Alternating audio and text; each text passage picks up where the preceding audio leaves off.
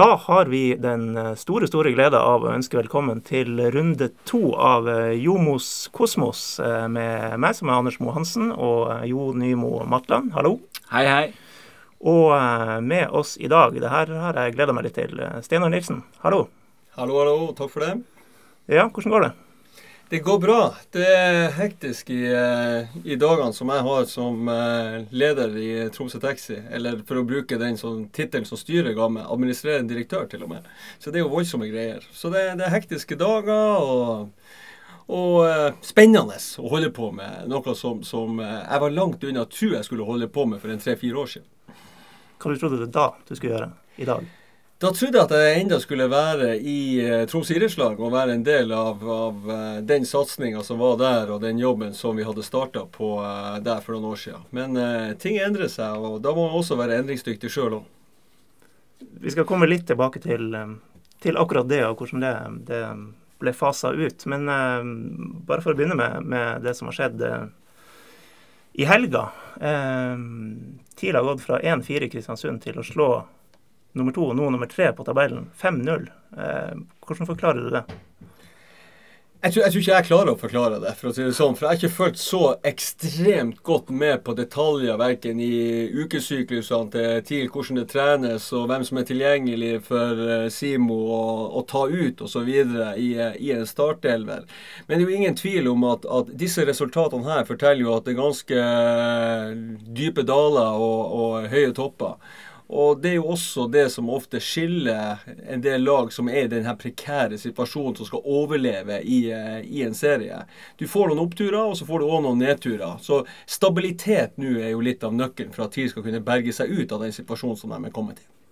Ja, og det viser vel eh, hvor stor forskjellen er på å skåre på den første sjansen og slippe inn på den første sjansen. For det var vel litt eh, det som skjedde i Kristiansund, at man slapp inn den første sjansen som kom imot, og i går så, så skårer man på den første man har. og eh, Spesielt for et lag som eh, med litt uh, skjør sjøltillit, så, så, spiller vel det en, eh, en veldig stor rolle det er jo ingen tvil om at det spiller en, en, en rolle. For at alle vi som har leda lag fra, fra, linja, vet jo altså mål preger kamper. Og det gir ekstremt selvtillit til spillerne. Men når det er sagt i forhold til gårsdagens kamp for TIL, så er det jo også sånn at TIL har jo kommet foran tidligere også med både én skåring og også kanskje, kanskje to òg. Men da har du jo også sett et forferdelig dårlig forsvarsspill. Nå ble jo alt bare bedre og bedre jo, be, eh, jo lenger kampen varte. Så det er klart at det er en betryggelse og en selvtillit for, eh, for spillerne å ta med seg videre videre. Kan, kan, det være noe altså Det skjedde jo noe rett før helga. TIL valgte å, allerede nå forlenge kontrakten ut 2020 med Simo Valakari. kan det ha hatt noe å si for at man har fått ut noe i, i mentalt av spillerne? Det kan selvfølgelig ha noe å si for garderoben. Eh, det, det, det tror jeg. Ehm, men det, det, er litt, det, er litt, vanskelig. Det har nok ligget i kortene tidligere òg, så da burde jo egentlig ha skjedd eh, noe helt annet i Kristiansund uh, også. Så jeg, jeg syns det blir en veldig forenkla måte å, å, si det hele på. Men jeg er nok heller mer forundra over at de valgte å gå til den fornyelsen og forlengelsen over så mange år på det tidspunkt som de, de velger å gjøre. Det, det er sjelden at vi ser det i norsk fotball. Ja, for det er jo noe um, som jeg også har snakka med flere om i, i lys av det her. Det virker jo positivt med Valekari. Spillerne liker han. Eh, han har fått en, Hvis vi tar bort Kristiansund, har han fått en sånn positiv glød med seg. Men, eh, men eh, det er noe med timingen, ja. Og det, det skjedde veldig fort. Eh, burde de venta ut året? Hva, hva tenker du? Nei, som, som en som sitter på, på, på, sidelinja fullstendig, vil jeg merke, så, så, eh, så, så, er det litt vanskelig egentlig å gå, gå i detalj og mene noe om, om dette. Jeg syns at Valekar har gjort et veldig positivt inntrykk, spesielt gjennom media. Eh, jeg, jeg syns han er en frisk stemme. Jeg syns han, han, snakker direkte fra levra og, og er en som vi kan forstå. Han setter krav til, til, garderoben og setter krav til enkeltspillere. og, og Det tror jeg også er noe som, som vi som liker fotballen i, i Nord-Norge og i Tromsø, setter veldig pris på. Når det er sagt, så, så, så, var det et tidspunkt og en timing her som eh, Og spesielt tatt historien i betraktning i forhold til det som går på treneransettelser, så, så var det overraskende at klubben hadde det travelt akkurat i, i, i dette tilfellet. Jeg var sikker på at det skulle komme en mye dypere og en lengre analyse eh, på, på, på, å ansette trener på lengre sikt. Men eh, som sagt, det her er nok eh, spørsmål som heller må gå til, til klubbledelsen. Og, og, de spørsmålene kommer sikkert heller ikke til å komme dersom man lykkes med å berge plassen nå i høst. Men de kommer sikkert dersom uh, man ikke gjør det. Hva du tenker du, Jo? Nei, jeg syns jo at han er veldig sånn tydelig på, på feltet og på banen og hvor han vil ha folk. og og at jeg syns at de på en måte, hvis man kan kalle det det, spiller mye mer avansert nå enn de har gjort tidligere. Og med mye um, tydeligere retningslinjer. og jeg tror at vi i norsk fotball uh, vi er ikke bedre enn at spillerne trenger en klar oppgave. og Det ser ut som at, ser ut som at de har det nå, syns jeg. Så jeg har trua på det, men uh, om det er rett timing, det, det gjenstår å se. Fasiten får vi i slutten av november. Da, eh, da kommer, kommer, den. Men alle vi som er glad i TIL, håper jo selvfølgelig at klubben skal, skal, skal berge plassen i Eliteserien. Vi trenger et lag i Eliteserien i Tromsø, og det laget skal være TIL. Eh, eller kanskje vi kan også være så heldige å få oppleve jo at både TIL og TUIL er i samme divisjon. Det hadde vært fantastisk eh, dersom TUIL hadde klart å fortsette den fantastiske vårstarten som de hadde på, på sesongen. Eh, men, men, jeg tror nok at, at, at TIL har også utfordringer som de må rede ut for. Og noen av de utfordringene sitter i garderoben. Det å få en sterk nok og stabil spillergruppe er ekstremt viktig for fortsettelsen til Troms idrettslag. Når du nevner litt andre lag turer, sånn, så får vi ta en kort liten sånn eh, shout-out til uh, Skjervøy og damelaget til Fløya, som er i ferd med å, å snu alt på hodet og, og kanskje kunne berge seg. Skjervøy som lå helt sist etter 14 runder, vunnet to seriekamper. Nå har de vunnet fem av de sju etter det, og er plutselig på trygg plass. Det er vel eh, hyggelig å se at det går an. Ja, Skjervøy har jo stolte fotballtradisjoner og har jo aldri vært en uh, spesielt enkel plass å dra. Så det syns jeg er artig at de uh, holder Nord-Troms litt på kartet. Det er klart det er bare fantastisk å, å, å se at det er mulig òg, selv etter en dårlig start, så er det mulig å, å, samle seg og bli enige om både en måte å spille på, og at man setter kanskje litt høyere krav til hva er en god prestasjon, og hva er en god forberedt treningsuke. Så på Skjervøy har de tydeligvis gjort noen grep nå som har fungert veldig bra. Men så er du også inne på, på, på Fløya òg. Litt morsomt eh, akkurat der har de tatt også grep i trenerteamet òg, men da at uh, treneren går inn og, og spiller kamper. Ja. og, eh, og, og det har tydeligvis hatt, eh, hatt, også en veldig god innvirkning og påvirkning på prestasjonsgruppa. Og god beslutning, og ingen tvil om at det har vært veldig riktig i forhold til å sette standarden i prestasjon i kampøyeblikket. Det er det du skulle ha gjort. på Pløya. ja, der hadde det i hvert fall gått med en kilo. Det hadde ordna seg da. Jeg tror, jeg, jeg, jeg tror nok at, at de som, som, har muligheten til å gjøre den, den type grep, de, de, gjør det også på bakgrunn i at de, de, har sett at det er ekstremt korrekt og riktig eh, ut av dem. Og så er det selvfølgelig morsomt å, å, å kjøre en Rekdal. Det gjorde jo han bl.a. for Vålerenga for noen eh, år tilbake i tid. I hans første trenerperiode i eh, Vålerenga. Ja, han gjorde det i OFK når vi sleit. Da heiv han seg med på trening, og så uh, juksa han og laga til lagene sånn at han vant hver det høres ut som en kjent beskrivelse av uh, Kjetil, det. Det er det. Men vi skal ikke slippe TIL helt. Det er drøyt to år siden du uh, fortsatt var trener i klubben, og så var du plutselig ikke det. Når du har fått det to år på avstand, hva, hva du tenker om det som skjedde da? Jeg tenker egentlig akkurat det samme som jeg sa da på pressekonferansen. At det var skudd fra blå himmel, og, og jeg ble ekstremt eh, overraska over beslutninga. Til dags dato ikke fått forklaring for hvorfor jeg mista jobben da. Og, eh, og, det er vel egentlig den situasjonen som, eh, som er der. Eh, selvfølgelig så har ikke jeg noe sånn spesielt forhold til eh, noen av de menneskene som sto for, for denne her situasjonen som oppsto. Og eh, etter så lang eh, og jeg vil si tro tjeneste mot, eh, mot en arbeidsgiver som, som, som, jeg hatt, så var jeg veldig overraska over den exiten som jeg, som jeg fikk. De som sto for den situasjonen, tenker du da ledelse, eller tenker du spillergruppe, som jo også var involvert her? Altså Spillergruppa er i spillergruppa i forhold til det. Det er ledelse som, som uh, setter både retningslinjer og uh, som beslutter. Så uh, selvfølgelig så er det ledelse som, som det her handler om. Eller manglende ledelse, som jeg mente at det var. ja. De fikk vel sitt for måten ting ble lagt frem på på pressekonferanse, så, som kanskje underbygger det du sier, da. Men ja du opplevde det her. Du opplevde også å måtte gå fra jobben i Brann. Hvor, hvordan er lysta nå på å jobbe i fotball igjen? Det er litt vanskelig å si at jeg akkurat nå skal jobbe i fotball. For nå jobber jeg på en veldig, veldig trivelig og bra plass hvor jeg har eh, mange utfordringer å ta tak i. Og, og, eh, og vi, eh, vi, gjør det veldig bra, for resultatene går også riktig vei der. Så det, det, det er veldig artig. Og Det er konkurranse enhver plass som man er. Det Spørsmålet er bare hvordan man lager det til sjøl.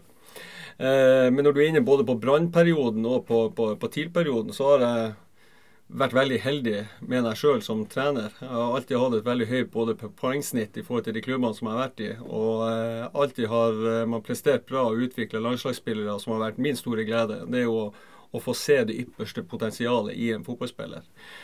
Og eh, mange av de spillerne jeg har, har trent, har jeg enda den dag i dag på eh, kontakt med, og det setter jeg veldig pris på. Så, så det er klart at fotballen er en del av det. Det er ikke noe du avslutter på noen som helst måte. Og da om man skal jobbe i fotballen for, for fremtida, er umulig å svare på. For det, det, er situasjoner og tilbud som oppstår. Og eh, så, så vurderer man det og, og hopper i det igjen, eller så føler man at det ikke er riktig timing eh, på det. Men eh, hadde jeg hatt ønske om det i dag, så hadde jeg jobba i fotballen også i dag. Men det, det har jeg latt vente på. og og eh, så får vi se hva som skjer for fremtida. Du har jo vært litt inne i fotballen som, eh, som barnefotballtrener. Eh, holder du fortsatt på med det? Ikke, ikke, akkurat nå. Sønnen, han eldste min som jeg var trener for, han øh, valgte i veldig ung alder å legge skoen på hylla. Okay. Så han, han, ga seg på topp. Eh, han minste er veldig ivrig. Han er ni år og, eh, og, og, spiller og er veldig ivrig. Så eh, han er vel den eneste ut av dem som har egen manager, som han kaller det for, mer eller mindre. Så, så, så han følger jeg opp på, på, lek og moro og det som er gøy med, med, fotball. Og vi er på Løkka av og til og lager morsomme øvelser og, og har det gøy. Og det er akkurat sånn fotball skal være. og Det er veldig artig for meg også å kjenne at fotball kan være på akkurat den måten også. Spesielt etter som man jo òg vet alt om, at når du jobber med fotball, så er du veldig inne i tunnelen. Både som spiller og når du går videre da i treneryrket. Så, så det er deilig å bruke fotballen til lek, moro og ha det artig med, med, med småtassene. Men du har fått sett litt eh, sider ved barnefotball og, og ungdomsfotball og utviklingsmodell har du jo vært og, og ment litt om. Hva, hvordan um, tanker gjør du deg rundt det? Oi. Jeg var faktisk på Tuilkunsten i, i, i, i, helga. En fantastisk uh, turnering, jo. Det, ja. det, det, vet dere om. Komprimert, flott turnering med kampene kommer tett som hagl og er helt nydelig. Og Tuil står på pinne for å gjøre en veldig god turnering også. Så det var, det var herlig. Men jeg blir hele tida overraska over å se trenere, foreldre, ledere som står på linja og tar alle beslutninger på vegne av spillerne som spiller, spiller, fotball. Uansett om det er jenter eller gutter. Så jeg har bare én oppfordring til alle av de voksne som har barn som spiller fotball. La dem nå få lov til å spille kampene sjøl. Du trenger ikke å stå og fortelle dem når de skal takle, drible, skyte, løpe og begynne å skjerpe seg osv. Det hadde vært så deilig å få, få La ungene få lov til å utfordre seg sjøl. Gjør en del av det på trening, men på kampene la dem få lov til å slå ut i full blomst og kose seg med, med, med spillet og ta beslutninger sjøl utpå der. Hør, hør. Jeg var um, og dømte noen kamper her på fredagen, og det var jo selvfølgelig prikkfri dømming. Men det var jo uh, mye innblanding fra sida, både fra trenere og foreldre, som uh, roper 'takle, skyt' og, og sånn. Og, uh, jeg ser ikke poenget. Jeg skjønner ikke hva de vil med det. og hvis det er så ille, så får noen ta ansvaret og be dem holde seg hjemme eller sette seg på tribunen. For at det, det, er flaut, rett og slett, å, å stå og se på. Ja, det er i hvert fall veldig lett å se at det er veldig mange av de som har uh, fått barn nå, som egentlig ønsker å spille kampen sjøl, og de prøver å gjøre det gjennom sin egen stemme. Yes. Men la nå barna få lov til å spille kampene. Det er dem som er barn nå. Du har vært ferdig med din fotballkarriere og din mulighet. Eller spill Allboys. Det er min oppfordring. Vi signerer på den. Så sier du ferdig med din fotballkarriere. Det, det er vel du òg. Eh, men eh, vi, vi, ønsker jo å gå litt ned memory lane når vi har, når vi har fått deg inn her. Eh, du har ikke bare spilt for TIL. Du har spilt for Milan, du har spilt for Napoli. Nesten for Lillestrøm. eh, en gang i tida. ja, du husker kampen jeg spilte òg? Ja, i Skarphallen. I Skarpa. Mot TIL. Ja, var Ja. BB som vanlig. Spilte faktisk stopper sammen med en eh, enda kjent og markant figur i eh, fotballen eh, fra Åråsen, og det er selvfølgelig Torgeir Bjarmann. Torgeir Bjarmann, ja. Så, så for vi som har vært med i fotballen lenge, vi kjenner Torgeir eh, ekstremt godt etter flere hundre kamper for, eh, for Lillestrøm. Og vi herja jo med TIL i den kampen der, da. Så det var, det, det, det var litt godt, egentlig. Men jeg endte jo opp i TIL, eh, trofast som jeg. Den vinteren der var det vel du beslutta å gå tilbake til TIL? Det er helt riktig. Ja. Det, det, det ble til det, og, og det var det var en riktig eh, beslutning eh, etter hvert. Selv, selv, selv om Torgeir Bjarmann og Lillestrøm eh, kom med et tilbud også. Men Italia eh, er virke, altså det er jo sånn tematisk liten eh, godtepose for oss å ta av her, vir- virker det som, både når vi ser på hva du har opplevd og spørsmål vi får inn og, og alt sånt. Eh, du ble altså Du gikk til Milan, og du fikk jo slippe til der. Og du skåra mot Inter i en 5-0-seier i cupen, blant Ja. annet. Ja. Eh, og så gikk veien til Napoli. Kan du, altså, klarer du på to minutter å oppsummere hvordan den tida der var? Da du først gikk til Milan, og så Napoli, og, og statusen du fikk der etter hvert. Det er helt håpløst å oppsummere sånn veldig kort, men, men det er klart når du, du kommer fra, fra lille Tromsø og den eh, lille familiære garderoben og klubben som vi var da, så, så var det spesielt å komme ned til San Siro og Milanello, hvor det bare satt verdensstjerner og eh, ja, personligheter fra mange land som satt eh, i den garderoben. Ingenting galt sagt om noen av de som man spilte sammen med, men de, de eh, de var ikke de som man så på TV på den internasjonale arenaen. Det var samtlige av dem som satt rundt benken. Så det ble et sjokk for meg. Både i forhold til kvaliteten som var på treningen, de kravene som ble satt fra Capello som var trener, og de kravene som klubben eh, også satt. Så eh, fra å bli fortalt at eh, man fra å veie 74 kilo var feit og, og måtte gjøre noe med det, og måtte gjennom en treningsleir på 14 dager med egen fysisk trener og og kokk og teknisk trener og taktisk trener også. Og du måtte bo på Milanello og, og jobbe med dette syv-åtte timer per dag. Så, så, så var det, det var en helt annen hverdag enn hva det jeg var vant til. Og den hverdagen egentlig bare fortsatte i hele mitt italienske liv, hvis vi kan eh, kalle det for det i, i hermetegn. Um, voldsomme krav og en tøffere hverdag enn hva noen norske fotballspillere har i norske klubber, eh, selv i dag. Selv om det her er tilbake til steinalderen. Selve salget fra TIL til Milan, altså at TIL selger en, en spiller til Milan, det, det, var, det vakte stor oppsikt, altså. Ja, men det Milan fortalte meg i ettertid, det var jo at de hadde i detalj sett eh, en 10-12 kamper som jeg hadde spilt. Og de eh, sa sjøl alle kampene jeg hadde spilt, og jeg skjønte jo at det var kamper jeg hadde vært god i også, og, og noen kamper hadde ikke vært fullt så gode i. Men de hadde en, en, en voldsom kunnskap i forhold til hva jeg trengte å jobbe med, og hva jeg allerede var bra på også. Så eh, det var tydeligvis ikke noe tilfeldig kjøp fra deres side. De hadde, de hadde studert det lenge, og de hadde, hadde, bestemt seg at de hadde lyst til å gi meg en mulighet. Og det var jo det det var. Det var lite penger for, for en klubb som AC Milan å investere i en norsk fotballspiller, og de, de ga meg en mulighet, og, og, og det var jo jeg særdeles fornøyd med. Og så gikk du til Napoli da, og var med på opprykk. Ja, ikke, ikke første året. Vi, vi, vi hadde Enzo Oliveri, het han, han som var trener første året. og Vi, vi kom på sjetteplass da, og det var egentlig eh, katastrofalt. Klubben hadde investert voldsomt mye penger i, i eh, det laget og det trenerteamet som kom for at vi skulle rykke opp på første forsøk. Men som alle vet i forhold til fotballverden, det er vanskelig å rykke opp på første forsøk når man har rykka ned. Eh, så vi, vi, vi, klarte ikke det. Jeg mener vi kom på en femte-sjetteplass, var det noe sånt. Eh, og da var det 16-17 spillere som ble fjerna etter det året der, og masse nye spillere inn. Og eh, da klarte vi på andre forsøk å, eh, å rykke opp med nytt trenerteam og mer eller mindre helt ny spillergruppe som, eh, som da tok fatt på den oppgaven. Hvis du hadde i starten tatt av, tatt av noe vekt, så la du på deg litt vekt med, med håret underveis der?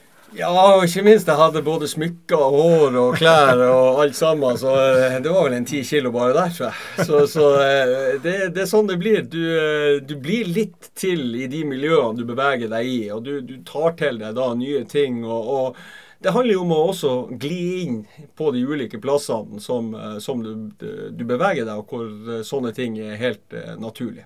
Så eh, da er det jo nesten sånn at du ønsker heller ikke å bli sett rart på. og Da, da følger du litt av trendene som er akkurat i det området som du beveger deg i. Så det kjenner sikkert han Jo også litt til, som har beveget seg litt rundt omkring i Europa. Ja da, det, det stemmer på en prikk, det. Når du snakker om andre kulturer og, og ting, måter å gjøre ting på eh, Jeg hørte noe snakk om Det var vel da du var i Milan, så vidt jeg vet. Eh, at det hendte at det gikk en hatt rundt.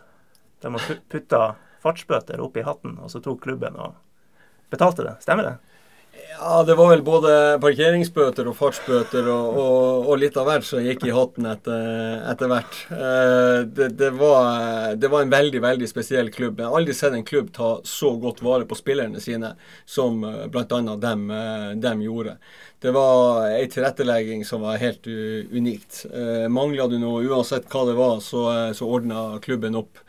Og uh, uansett om det var mat, eller om det var eh, utsmykking av leilighet eller hus, klubben ordna absolutt alt. Så, så det, var, det, var, en fantastisk uh, plass å, å, få lov til å oppleve. Hadde du mange ting oppi hatten sjøl?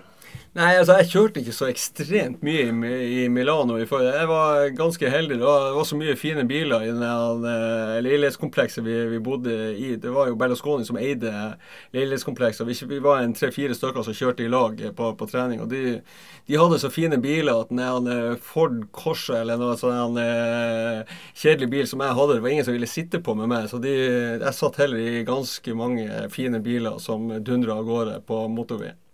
Jeg har hørt noe også om, jeg vet ikke om det gjaldt deg og din tid der, men eh, disse klubbene eh, som utstyrer spillerne i starten med litt sånn dårlige biler for, de, for å venne seg til trafikken og det blir mye bulking og sånt. Og Etter hvert så kan man få de her fine, fjonge bilene. Er det riktig? I, Milan så var det sånn at siden Opel var sponsor der, så fikk alle eh, spillerne velge hver sin Opel. Så alle sammen fikk én Opel uansett. Og da var det bare hva du ville ha. Eh, men eh, samtlige av de spillerne der de hadde råd til å kjøpe akkurat hvilken bil de måtte ønske som, eh, som ble laga i verden. Så, og det var det mange av dem som gjorde òg, da. Så det var en høy, høy kvalitet på den bilparken. Gikk du ikke for Opel Manta? Nei, jeg var ikke så Jeg hadde evig nok egentlig å følge med på det som foregikk på trening og, og, og, de kravene som ble satt der. Så jeg, jeg, hadde egentlig ikke tid til å tenke så veldig mye på det. Jeg var helt i starten av min utenlandske proffkarriere, for å si det sånn. Og, og, og, jeg hadde bestemt meg tidlig at her skulle jeg prøve å bare henge med, rett og slett. Og det hadde jeg evig nok med. Og det, da var det å leve veldig sunt. Jeg bodde veldig mye på Milanello i, i starten. Både for å lære meg språk, både for å leve så riktig som mulig, og ikke minst trene så mye som mulig. Og så var det også det nye taktiske bildet som, som, som, skulle inn fra Capello. og Han var utrolig nøye med at du forsto det han mente til hver tid. Og uh, gjorde man ikke det, så, uh, så uh, fikk man ganske mange riper i lakken. Og det hadde du egentlig ikke plass til. Det, det, han var en trener som, som, som du ikke tøva med. Hvor, du, du, fikk jo slippe til, da. Og, og, hvor godt husker du det her frisparkmålet mot Inter? Nei, det, det, var jo Altså, det at jeg bare fikk lov til å ta frispark, er jo ganske sjeldent der. For at det, det var Boban og ja, en spiller til, nå husker jeg ikke navnet på alle som var der. Men det var i hvert fall Boban og Albertinia var det som alltid tok frispark eh, i klubben eh, da. I tillegg så George Vea tok òg en del frispark. Så eh, vi hadde en shootout på treninga, vi som var i elveren og de som var aktuelle, og, og, og, hvor du kunne melde deg på. Jeg var frekk nok å rekke opp hånda og, og, ville gjøre det. Og så I den shootouten så, så slår jeg ut begge de to på, eh, på rett og slett å skåre på frispark. Og eh, Det var egentlig grunnen for at jeg fikk lov til å, å skyte frisparket. Og når da frisparket først kom, så gikk jo selvfølgelig Albertini bare og tok ballen. Eh, men jeg tøff som jeg var i trynet, da, kanskje da også, men, men jeg gikk og, og, krevde ballen fra han, og, og, tok ballen fra han. Og det likte han ikke så veldig godt, da, men uh, han ble jo ekstremt glad og overraska når jeg først skårte. da. Det, det, så jeg på reaksjonen både fra han og Maldini og alle sammen som uh, kom skliende til. For at jeg, jeg måtte jo dive litt ut mot publikum og, og, kjenne på hele det trøkket der. Så det var, det, det var en spesiell opplevelse, ja. Du ga Albertini en liten sånn Det, det er bedre at jeg treffer enn at du bommer? Nei, heldigvis så, så, har jeg aldri hatt så bra sitater på, på ting. Men jeg, jeg, krevde min rett. I, for, jeg tror jeg fikk veldig respekt i, i, gruppa med at jeg bare gjorde det. Uh, at, jeg, at, jeg, krevde den ballen, ballen og, og, og, la den ned. Så, men jeg vet jo, jeg hadde jo et frispark bl.a. i kampen etterpå også, som gikk langt uh, over tribunen også. Så det, det, er ingen som har snakka om det, og det er òg veldig godt.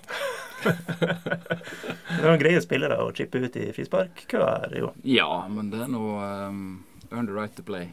Så det har han jo gjort. og... Uh, og man, uh, man, tar jo respekt på en, på en, sånn måte, så det var helt sikkert et, et veldig bra move. Om, man, om så hadde bomma, så hadde de sikkert uh, på en måte satt pris på at han uh, kom og var tøff nok i trynet. For det er ikke noe, det er ikke noe sandkasse ute i Europa. Det, det, er jo, det, er jo, et veldig godt poeng. Og det, det er jo det jeg hadde håpa å få se flere norske spillere på en måte kreve litt mer sin tilværelse og, og være enda tøffere når du først har muligheten eh, til å være der ute. At du stiller enda høyere krav til deg sjøl, og ikke minst ta for deg. Og Vi ser jo bl.a. et landslag som, som sliter noe, noe, noe, voldsomt for, tida. Og jeg syns at det hele tida, når vi møter de store nasjonene, så tar vi ikke for oss. Vi er litt unnskyld for at vi er her. Vi smeller ikke nok på. Vi gir ikke nok juling. Og jeg syns at vi ser for mye av det i Europacup også med, med, norske lag. Jeg savner litt den råskapen og den, den fandenivoldskheten som vi hadde bl.a. på 90-tallet. Men det speiler vel det norske samfunnet i dag kanskje annet enn det hvis man sier at på 90-tallet så var overgangen å gå fra norsk fotball til europe, europeisk fotball fra, gå fra 7. klasse på ungdomsskolen, mens nå går du kanskje fra, fra barnehagen og opp på ungdomsskolen. og Det blir et altfor stort sprang. og eh, Det er jo bare å se ikke bare på Steinar, men hvor mange andre som gikk rett fra en norsk klubb og, og var god i store europeiske klubber på 90-tallet. og der, eh, I mellomtida her så har et eller annet skjedd. Noe veldig feil. Så um, det er jo ikke lett å bare peke på én ting, men det er jo uh, Det er vel ikke bare å snu i en, en håndvending heller? Det tror ikke jeg heller. Men det tok jo slutt brått i Italia, med skade og påfølgende ja, litt diskusjoner med Napoli, kan vi vel si. Hva, hva du kan uh, minnes av det? Nei, Det var jo sånn som det ofte er når, når uh, veldig alvorlige skader skjer. Så ender det bare opp i forsikringsdekning og og forsikringer som skal tre i kraft. Og det gjorde de ikke det, i dette tilfellet her. Så eh, det har selvfølgelig vært en, en, en, sak der som vi ble ferdig med for, for en tid tilbake. Eh, så det har man selvfølgelig lagt bak seg, og, og er greit nok. Men eh, jeg ser tilbake som hele tida i Italia som at jeg var utrolig heldig og, og, og har vært på det høyeste nivå, nivået der og får lov til å konkurrere. Det er noe som, som, du tar med deg som en kunnskap og en lærdom resten av livet. Uansett hva man velger å gjøre.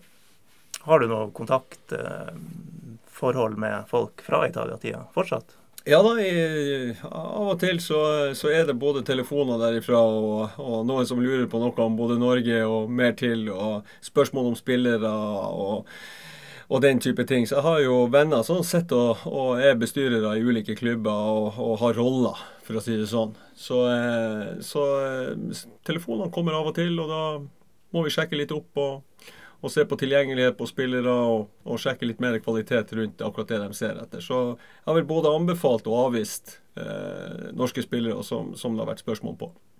Det er kanskje ikke så mye Milan-interesse rundt TIL-spillere akkurat nå?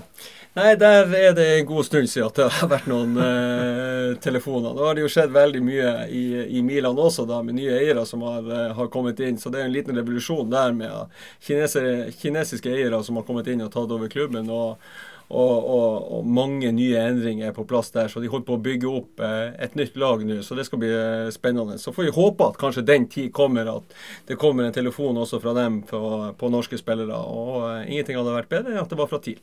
Du ser en blå drakt, og så ei legevakt, Ole Talberg. Du glemmer aldri møtet med han Ole Talberg. Du kjenner det når du har møtt Dag Ole Talberg. Vi kan eh, fise i gang med noen spørsmål vi har fått inn fra, fra eh, lyttere, både, både via Facebook eh, og Twitter, der man eh, lett kan finne oss. Eh, og Det ene er, har jo litt med Milan å gjøre. da. Eh, og Vi kan gjerne inkludere Napoli, men det, det er da Gøran Pedersen som, eh, som spør om Milan kommer tilbake til gamle høyder, og om de kan gjøre det snart. Vi kan inkludere Napoli, for de er jo helt der oppe nå. Altså, Napoli de er ute i Champions League, og de de er helt i, i, toppen. og de, Jeg tror de vant 6-0 i helga, og, og ja. de ser friskere ut enn en noen gang. Og, og fortsetter å gjøre fine sportslige endringer. De selger eh, veldig gode spillere og henter inn eh, ikke fullt så kjente spillere. Så jeg syns Napoli de er virkelig riktig, på riktig vei, for å si det sånn. Eh, om de er gode nok til å nå helt opp i Champions League, det tror jeg blir tøft eh, for dem. Når det kommer til Milan, så ble jeg veldig overraska over signeringa av Banucci som, som, kom fra Juventus. Det, det var på en måte en ekstremt stor signering for, uh, for AC Milan. Uh, og det lover godt for fortsettelse, for da, da, signaliserer de litt hvordan de skal satse. Jeg tror at Milan vil komme tilbake, men det kommer til å ta tid å bygge dem på, på ny. Og hvis vi skal snakke om å komme opp på det nivået som, som de var på, på 90-tallet, så, så, er det lang vei frem til Barcelona, Real Madrid i, i, i, Spania, og selvfølgelig også en del av de beste engelske lagene. Men, men Milan kommer helt klart til å komme, komme, tilbake på et høyere nivå enn de er på akkurat nå. I år er det kanskje Napoli som snakkes mest om, hvis noen skal utfordre Juventus om uh, skudettoen. Ja, jeg, jeg, tror også det at, at Napoli ser, ser, veldig bra ut. De har en veldig bra stall. De er ikke bare i, helt avhengig av 11. Og, og, det er jo det som også er, er, er med Juventus. Juventus har mange spillere å ta nå. De har bygd opp en fantastisk eh, kapasitet i den stallen som de rår over. Ny stadion. Så, ny stadion, ikke minst. Og, og har noen rammebetingelser nå på plass, og ikke minst økonomi. Altså, de, de, de, kan signere de spillerne som de ønsker fra Italia spesielt. Mm. Så eh, det skal bli spennende å se. Så jeg tror du har helt rett. Skudettene står mellom de to lagene der. Og så har du noen uh, som kommer bak uh, der. Roma melder seg alltid på. Lazio ser brukbar ut. og så har du selvfølgelig Milan, som også gjennom et nytt vindu som de skal bevege seg i. Det er signaler fra Kina at det skal investeres ytterligere store millionsummer i euro som, som skal spyttes inn i den troppen der. Så det blir interessant å se hvordan de velger å gå, gå inn i de neste overgangsvinduene. Ja, det er jo litt artig med både Milan og Inter, som hadde Berlusconi og Moratti som eiere, to erkeitalienere, og nå sitter kinesiske eiere i begge de to uh, meget tradisjonsrike klubbene. Så det er, litt, uh, det er, jo litt spesielt. Jeg tror òg at, um, at Inter kan bli ganske sterk. De har jo han Spalletti som trener, og han er jo meget dyktig.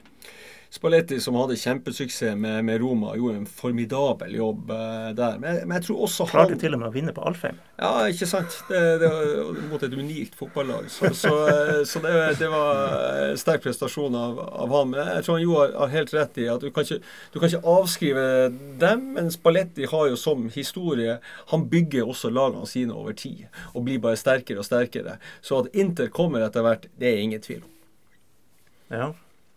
Vi har et spørsmål fra Hilde Amundsen, som spør om du har lest Zlatan sin bok, og om du kjenner deg igjen i beskrivelsene fra Serie A. Ja, jeg har lest boka. Jeg syns det er bare så herlig med, med mennesker som, som eh, mener noe helt annet enn hva alle de andre. Og Zlatan er absolutt en av dem. Og eh, å se det han har gjort i de ulike landene han har beveget seg i, og de prestasjonene som han står for, er, er sjeldent. Eh, jeg kjenner meg igjen i mye av det han beskriver i forhold til den italienske både kulturen, mentaliteten og, og hvordan det fungerer i, eh, i, i Italia. Det, det, er ingen tvil om. Men, men, akkurat jeg tror likhetene stopper også der. Jeg kjenner meg ikke helt igjen i de hverdagene som han beskriver, men det skulle blott bare mangle. Han er Zlatan og jeg er med. Det, det, du kommer ikke lenger. Det er ordentlig nord og sør, ja. Men mye Capello der òg? Ja, mye Capello. Ja. Som du da kjenner bra. Ja, og det, det, jeg syns det er det som er litt, litt morsomt med hele den, den, eh, den boka til, Zlatan. Han forteller også hvor mye Capello har betydd for han. Han sier jo det at det var jo Capello som gjorde han virkelig til en profesjonell fotballspiller. Og det kjenner jeg virkelig igjen på. på. For at han er en detaljist. Han er aldri fornøyd når ting er bra. Det er først da han, han virkelig setter nye og, og, og tøffere krav. Og så får han Han har alltid klubbene i ryggen på det òg. Klubbene elsker den profesjonaliteten hvor man hele tida skrur opp lista istedenfor å, å skru den ned for at alle skal over. Så eh, jeg liker akkurat den måten å jobbe på. Jeg liker at, at det settes hele tida krav til spillere for at spillere skal bli sitt fulle potensial, og ikke bare bli bra. Men du levde ikke helt som Zlatan? Nei, det, jeg, jeg, tror det er ingen som klarer å leve helt som Zlatan, for å si det sånn. Vi har et par spørsmål som, som utfordrer det her litt. Okay, um, ja. og Da kan vi jo begynne med, med et fra din storebror Roger. Okay. Um, som da lurer på Jeg trodde ikke vi hadde lov til sånne her ting i familien. Men OK, jeg hører at uh, ting har endra seg, ja. Det skal jeg ta med han. Ja, det, det er derfor dere tar. Yep. Um, nei, jeg lurer litt på hvordan det har seg at du ble observert dansende på et afrikansk utested i Paris som den eneste hvite mannen da du spilte i Milan. Var det ikke flere spørsmål han hadde òg? Vi tar det her først. Nei, det var, det var, faktisk ganske spesielt. Jeg kjenner jo at jeg blir litt flau nå. Men, eh, men eh, det, det, her er påsken i 98, eh, hvor George Vea inviterer meg med til til Paris eh, for å ta påskeferie sammen med, med, han. Så vi fikk tre, fire dager som vi fikk fri, og eh, hvor jeg da var gjesten til George Vea. Og eh, ja, det var, det var, mange ting som, som skjedde på den turen der som, som var veldig gøy å, å, få lov til å oppleve. Eh, og bl.a. å være eneste hvit mann på en, på en nattklubb. Det har jeg aldri gjort før. Jeg kommer aldri til å gjøre det igjen. Men det var, det du lot deg rive med, da? Hva? Du, du lot deg rive med, i hvert fall? Jeg er steike god på, på, på, gulvet sånn uh, rundt den tida hvor jeg var på gulvet da. Midt på natta? Ja, altså. ganske, ganske, ganske, ganske sent på kveldinga. Så det var, det var, en opplevelse, og det var, det var morsomt. og uh, og Roger skal få lov til å høre det her en par ganger til uh, etter det. Det, er sikkert. Det, vi er retur på den, ja. Vi, vi, kan spore sømløst over her. Det Stian Andersen har, har, faktisk, uavhengig av det her, sendt inn spørsmål der han ønsker flere detaljer rundt ferieturen med George Vea. Så vi, det, det, er fullt fritt frem. Ja, den, den, ferieturen der, den, eh, den kommer i, i, bokform om en sånn 10-15 eh, år. Da kommer detaljene. Så eh, Stian skal bare ta og kjøpe den boka der. Den kan bli veldig bra. Så eh, jeg har egentlig vurdert at kanskje hele boka skal bare omhandle det. For det var nok opplevelser til det. Ja, den gleder vi oss til. Ja, jeg òg. Men vi slipper, ikke, vi slipper ikke Roger helt, for han hadde én ting til han lurte på. Um, har ikke han en jobb i stedet? han, han, har litt fritid òg. Okay. Uh, han sier at det sies, det sies at det kjører en kar rundt i Marokko i en flott, litt eldre BMW, som han sier han har kjøpt i gåsetegn bilen av en Milan-stjerne. Stemmer dette, Steinar? Spør han. Ja, det, ikke, det, var ikke Milan-serien, det var Napoli-stjerne må det eventuelt være. Det var på den tida. Det var i, i, i Napoli. Nei, jeg, jeg, var litt uheldig i Napoli forhold til Jeg stolte vel litt rann, uh, for mye på de her napolitanerne i forhold til hvor ærlig man kan være. Men jeg, jeg, parkerer den da i garasjen, og så står det også noen biler foran. Og, og, og, og de sa jo der i, i det bygget Det var ikke noe sånn videre viktig i, i, i, forhold til å stenge porten. og Porten kunne bare gå, stå åpen, for at jeg parkerte helt innerst. Og det var en sånn veldig fin BMW, det her, da. Og jeg stolte jo på, på, det. Jeg regner jo med at når du da parkerer den i, i en privat uh, gård, og uh, det står flere biler foran den bilen også, så tenker jeg jo det at man står trygt over natta. Og porten var lukka, men den var ikke sånn dobbeltbeslå på låst ned. Så eh, det som har skjedd, det var at alt var bare fjerna. Hele porten var fjerna, rett og slett. og, og, eh, og, to biler som sto foran min, min bil, det var bare skubba mer eller mindre opp i, i to vegger der. Og så hadde de fjerna den fine BMW-en som jeg da hadde. Og eh, jeg fikk kjeft til med hos naboene for at jeg hadde kjøpt en så fin bil så at deres biler hadde blitt bulka og trødd opp i en vegg. Eh, og ingen syntes synd på meg for at min bil var blitt stjålet. Så Roger har helt rett. Mest sannsynlig i Marokko en plass så går den og hadde sett en glad kar foran rattet. Så eh, det, det har òg skjedd. Da hadde du oppjustert fra korsa, i hvert fall. Ja, det, Da hadde jeg oppjustert det fra, fra noe sånt som eh, det. Det var Mitsubishi, en sånn veldig liten grønn sak jeg hadde da. Og den fungerte veldig greit, men når vi skulle litt på langturer og, og kose oss i Napoli i, i, i helgen, så, så, var det litt greit å ha en litt finere bil. Men jeg fikk bare ha den i en par måneder, så det var ikke så lenge jeg opplevde den bilen. Det var en veldig fin bil blant annet å kjøre, men jeg fikk prøve den ganske lite. Men det var ikke sånn å bare legge, legge noe vognkort eller noe sånt i en hatt der, og så hadde du en ny? Nei, der, men jeg, jeg gikk bare til forsikringsselskapet, og det gikk overraskende fort før det lå en sjekk i, i postkassa. Så der var det ganske greit. Og når jeg gikk og meldte den stjålet, en bil, så han Politimannen som tok imot uh, uh, den uh, anmeldelsen av situasjonen og, og forklaringa, han, han, bare rista på skuldrene og bare flirte. Ja, de bilene der det blir det stjålet ganske mye av i Napoli, sa han bare. Og så, så spurte han bare om forsikringsnummeret. Så sa han at ja, her går en par uker, så har du en sjekk i posten. Og lykke til, og kjøp deg en litt billigere bil neste gang, sa han. Avslappa gjeng. Ja.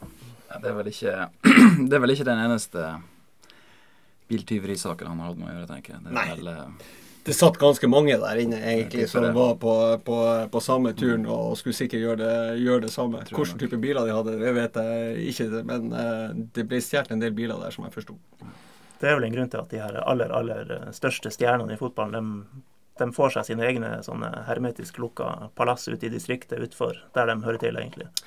Ja, jeg tror de er i hvert fall lurere enn hva måten jeg gjorde det på. Det, det er jeg helt uh, sikker på. Så, uh, men det er bratt læringskurve når du kommer ut i den store verden og, og uh, du skal i de byene her. Så det, det, var artig for en nordlending å, å, få oppleve det òg. Du, du flirer av det i ettertid, men ikke akkurat der og da. Da var det ikke så gøy. Nei, du har jo i ettertid blitt veldig sånn fascinert av den her mafiakultur og litteratur og sånt, har du ikke det? Ja, jeg har lest veldig mye om det, og, ja. og, og fascinert eh, av det, ja. Eh, men det, det, går både på selve historien, bakgrunnen og kulturen og identiteten på det, som, som jeg syns er veldig fascinerende. Og eh, ja, jeg tar til meg veldig mye ut av den type saker det gjør. Der har vel, Nå skal ikke vi rette noen fingre mot noen her for, for dette biltyveriet, men Napoli har vel sin tradisjon i, i den historien der. Ja, Nap Napoli er jo berykta som, som, by, og alle sammen kjenner til den, eh, den uh, søppelkonflikten som var i, i Napoli-området, hvor det uh, var en, en mafiafamilie som det gikk under da. Uh, som eier rett og slett det om, området som har med renovasjon å, å, gjøre, og hvor de bare stengte portene så, så ingen fikk lov til å, å levere sitt restavfall. Og da ble det selvfølgelig ekstremt mye støy, og eh, familien eh, som eide dette området her, forlangte høyere gebyrer, eller så kom de til å fortsette å holde det stengt. Og da blir det som det alltid blir i Napoli. Da blir det høyere gebyrer. og så åpna portene igjen, og alle var fornøyd. Noe, du har ikke tatt med deg noe av det her inn i Tromsø Taxi? Nei, der blir det veldig sjelden høyere gebyrer. Vi, vi, vi, jobber veldig hardt for å få høyere utbytter. Det, det er det eneste vi, vi har fokus på, på, der. Men vi, gjør mange spennende ting i selskapet vårt som vi tror skal komme kundene våre til, til, gode, og det er det vi jakter etter der. Gebyrene er nå høye nok fra før av, tenker jeg.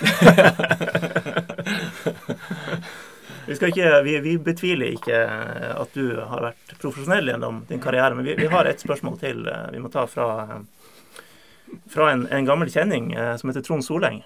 Ja, ja. Eh, han, han, meldte seg litt på her. Tidligere fotballspiller, han òg. Han var en veldig god sentral midtbanespiller. Ja. Han skriver Hei, Steinar. Vi var jo så heldige at vi fikk ha deg tre år i klassen på idrettslinja i Tromsdalen. Er du ikke Ja, du flirer litt her nå. um, så spør han er du ikke enig i at hadde det ikke vært for det, så hadde du verken blitt proff fotballspiller eller direktør i dag. og det var, Du flirer, og jeg får legge til at det var en tre-fire sånne påfølgende uh, gråteflirefjes i, i det spørsmålet. Ja, det, men jeg tror han, han, er inne på noe der. For at uh, i den tida vi, jeg og Trond Soleng begynte på idrettslinja, så tror jeg vi var litt sånn rådville i forhold til hva, hva, skulle vi, hva, hva, skulle vi, bli, som man kanskje er på den tida av, av livet sitt. Men eh, idrettslinja i Tromsdal var med på å forme oss, og, og vi, vi, vi, var et veldig profesjonell gjeng der som virkelig tok trening på alvor. Og eh, vi eh, stilte veldig krav til oss sjøl og var veldig flinke til å piske hverandre i forhold til det. Og så Bl.a. Soleng eh, og jeg vi hadde mange gode treningsøkter sammen. Og som gjorde at vi kanskje forma oss til å kunne bli fotballspillere etter hvert. Det, det, er jeg ganske sikker på. Så det var et fabelaktig utviklingsmiljø, vil jeg si, å, å, å være en del av. Så sikta han kanskje til noen ting som man gjør når man er 17-19 år. Ja, vi hadde, vi hadde, det jo selvfølgelig artig òg. Det, det, hadde vi. Og vi ble jo kjent med kjekke jenter også. Og vi, vi, hadde det også hyggelig og var, var flinke til å ta vare på den, den tida også. Eh, men eh, det, det, det, var ei herlig tid å se tilbake på. og eh, Jeg kan vel si med hånda på hjertet jeg savna ofte mange av de flotte folkene som gikk i den klassen som man var i en del av der. Det var mye fine mennesker, og det er godt å se at det har gått så bra med alle sammen i ettertid. Så skal vi begynne å, å runde av. Har du noe du brenner inne med her, Jo? Nei, jeg syns jo det er stas å sitte her med Steinar. Jeg kjenner han jo godt. Jeg har hatt han både som trener og, og medspiller. Så, um, og han var jo et forbilde for meg da jeg var liten. Steinar var jo grunnen til at uh, jeg syntes det var veldig artig å skyte veldig hardt. så jeg tog, hadde jo med meg ballen ned på Gyllenborg og sto og banka til og banka til og banka til. Og det, det hjalp jo, kan man jo si. Så um, alle unger, kom dere ut og tren. Ja, et, et, godt råd han Jo kommer med, med der. For jeg syns han faktisk er inne på det, det, det, vi savner mest av i norsk fotball. Og det er presisjon med føtter. Nå han uh, har en fantastisk venstrefot å fortelle av. Ja, vi ser det i pasningsspillet, vi ser det på dødballføtter. Det er en stor mangelvare der ute på akkurat det. Nå er det bare snakk om å heppe mest mulig med ballen og drible flest mulig. og Fotballen bygger nå mer og mer av spillindivider som, som, beholder ballen i laget, og som også har fysikken til å spille med høy fart, høy duellkraft, og ikke minst med en voldsom hengivenhet til selve spillet. Og det, det syns jeg vi, vi, savner det ofte når vi er tilskuere og sitter og kikker på, på fotballen. Den presisjonen og, og, den gløden av spillet.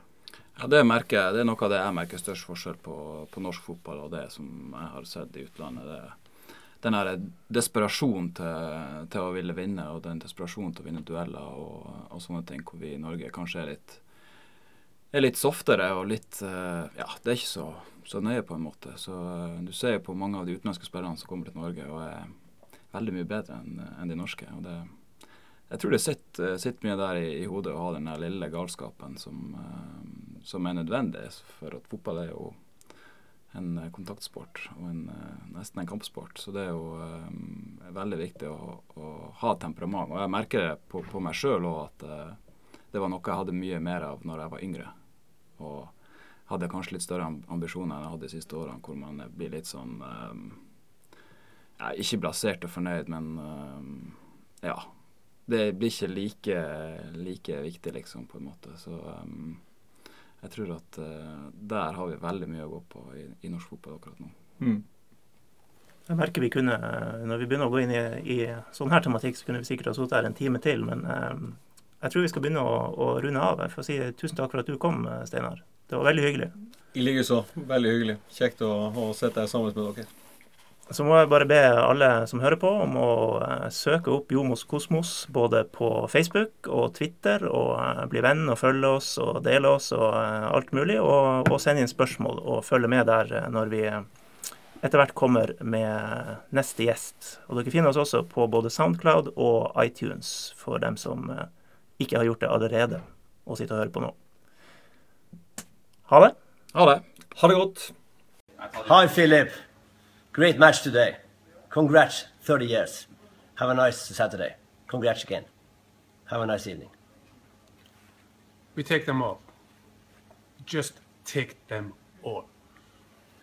Have a nice evening. Happy birthday. Happy birthday.